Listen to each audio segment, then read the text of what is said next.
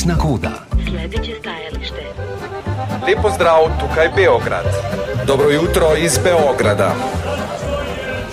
Klicna koda nič nič 381. Zdaj pa tudi v živo z nami dopisnik iz Beograda, Boštjan Anžin. Dobro jutro želim. Dobro jutro. Srečno in vse dobro v letu, ki se je pravkar začelo. Ja, tudi jaz seveda želim enako. Tebi in vsem poslušalcem.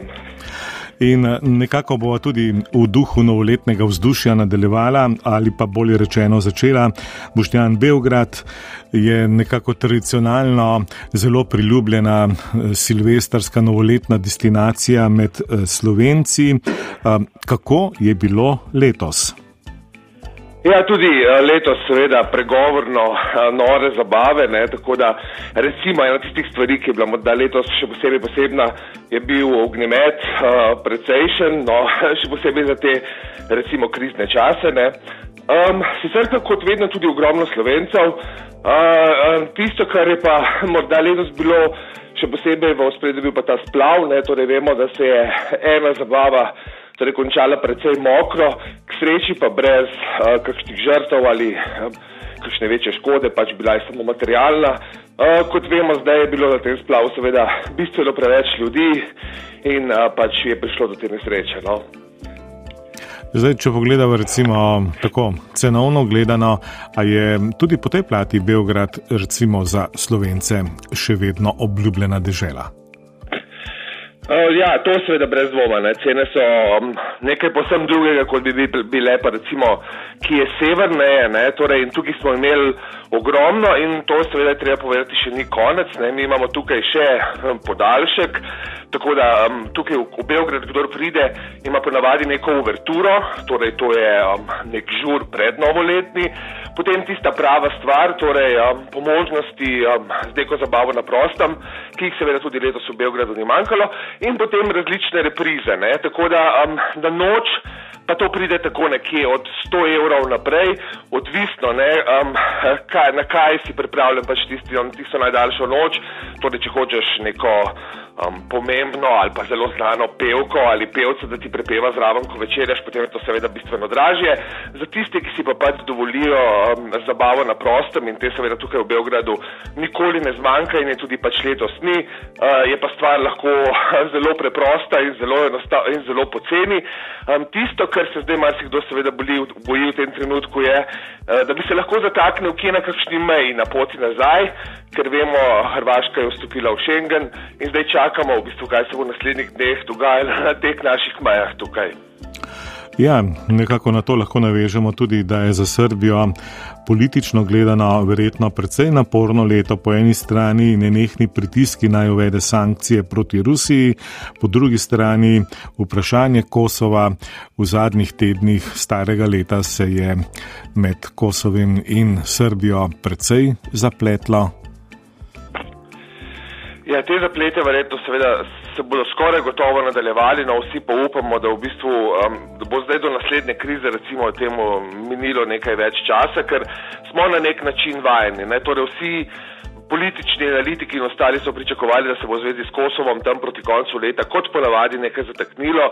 Ponavadi pride potem še en podaljšek, torej okrog pravoslavnega božiča, torej to je leto 7. januarja, pa potem tam do 14. januarja, ko je to pravoslavno uh, novo leto, čeprav to ni več tako zelo praznovano, recimo niti na Kosovu. Uh, vse do takrat lahko pričakujemo recimo tudi krize, ne, v tem smislu, da vsake tog časa izbruhne nekaj um, bolj um, zapletenega kot sicer, sicer pa imamo pač stanje, kakršnega imamo tudi dialog Beograda in Prištine tako rekoč ne poteka. Um, prav te krize so v bistvu krive tudi zato, da, da se v tem trenutku nihče ne pogaja o nekem dolgoročnem dogovoru, ki ga seveda med drugim zahteva tudi Evropska unija. Um, tako od Srbije kot od Kosova um, iz Bruslja med drugim tudi sporočajo, da seveda ni Evropske unije za, nobene, za nobeno z teh držav, če tega dogovora ne bo. Um, po drugi strani pa, ja, kot si omenil, ta pritisk glede Rusije bo verjetno se letos samo še stopnjeval. Um, po eni strani seveda spet Evropska unija, um, ta perspektiva evropska, kjer vse čas govorijo, da brez uskladitve zunanje in varnostne politike, to pa se meni, seveda pomeni tudi sankcije, um, v bistvu Srbija ni resna kandidatka, ne v tem smislu, da če se ne pridružiš vrednotam Evropske unije, uh, potem se marsikdo sprašuje, zakaj ima sploh še smisel, da Srbija v bistvu kandidira za to članstvo.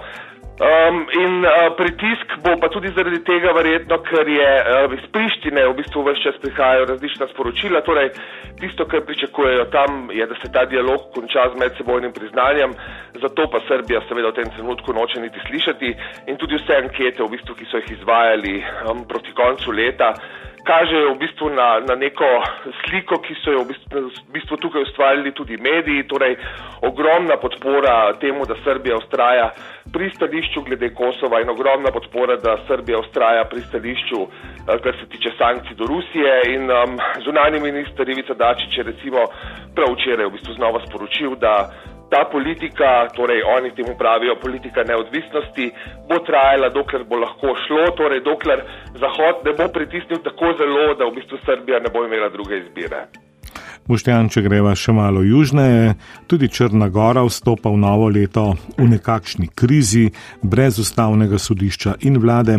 Imajo pa zdaj mandatarja Mijo Draga Lekiča, a tudi to je sporno.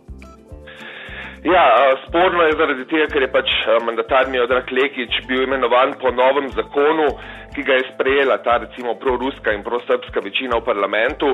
Ta zakon pa v bistvu predvideva poseganje v ustavne pravice predsednika Mila Đukanoviča, ki je bil do zdaj tisti, ki je pač um, imenoval novega mandatarja za vlado. Uh, potem se je pa v tem primeru torej zgodilo to, um, da ga je večina, torej in to samo en glas večine imajo v parlamentu, ta koalicija predlagala, pa ga je Džukanovič zavrnil, čež da mu niso dostavili pravočasno podpisov podpore.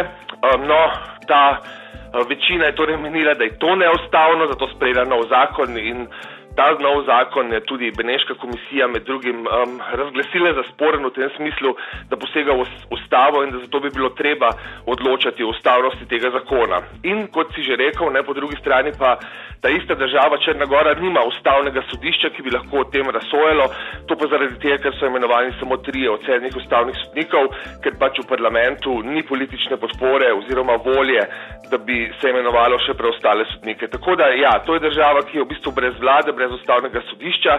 Um, in zdaj bo dobila morda novo vlado, za katero pa je že vnaprej Zahod sporočil, da bo zelo razmislil, kako bo sodeloval z njo, glede na to, da je pač sprejeta po tem spornem zakonu in je v tem smislu lahko tudi sporna. Um, videli bomo, kako bo šlo naprej, no vsekakor pa razmere tam niso dobre, po drugi strani um, je vedno več nezadovoljnih državljanov, torej potekajo zdaj kar redno že protesti, ki se jih udeležuje več deset tisoč ljudi in kjer v bistvu zahtevajo predčasne volitve, pa to, da se ta ustavna in institucionalna kriza na nek način konča, torej da imenujejo ustavne sodnike in um, če pač ni možnosti imenovanja nove vlade po nekih postopkih, ki bi bili v skladu z ustavo, da se potem pač razglasi predčasne volitve. Pa še ena stvar, no, ki jo oni zahtevajo, to pa je, da se Črna Gora ne pridruži tej pobudi Open Balkan, torej odprti Balkan, ki je v bistvu pobuda Srbije in po drugi strani Albanije, ker namreč te protestniki pravijo, da ta vlada v bistvu to državo vodi v napačno smer, da jo vodi proti Rusiji, proti Beogradu in da sta to tudi dve državi, ki v bistvu diktirata tempo tej trenutni vladi. Tisto, kar pa pravijo protestniki, je pa, da bi se mogla v bistvu država usmeriti proti Zahodu, torej proti um, Evropski uniji in da na nek način druge alternative za Črnogoro v tem trenutku, kot pa so predčasne volitve, ki bi potem morda v parlamentu postregli z neko bolj jasno politično sliko, um, da drugem poti pač v tem trenutku ni.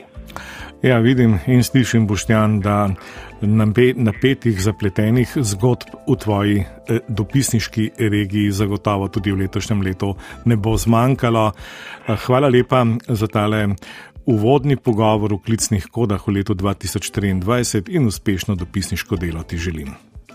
Hvala in lepo zdrav Slovenijo.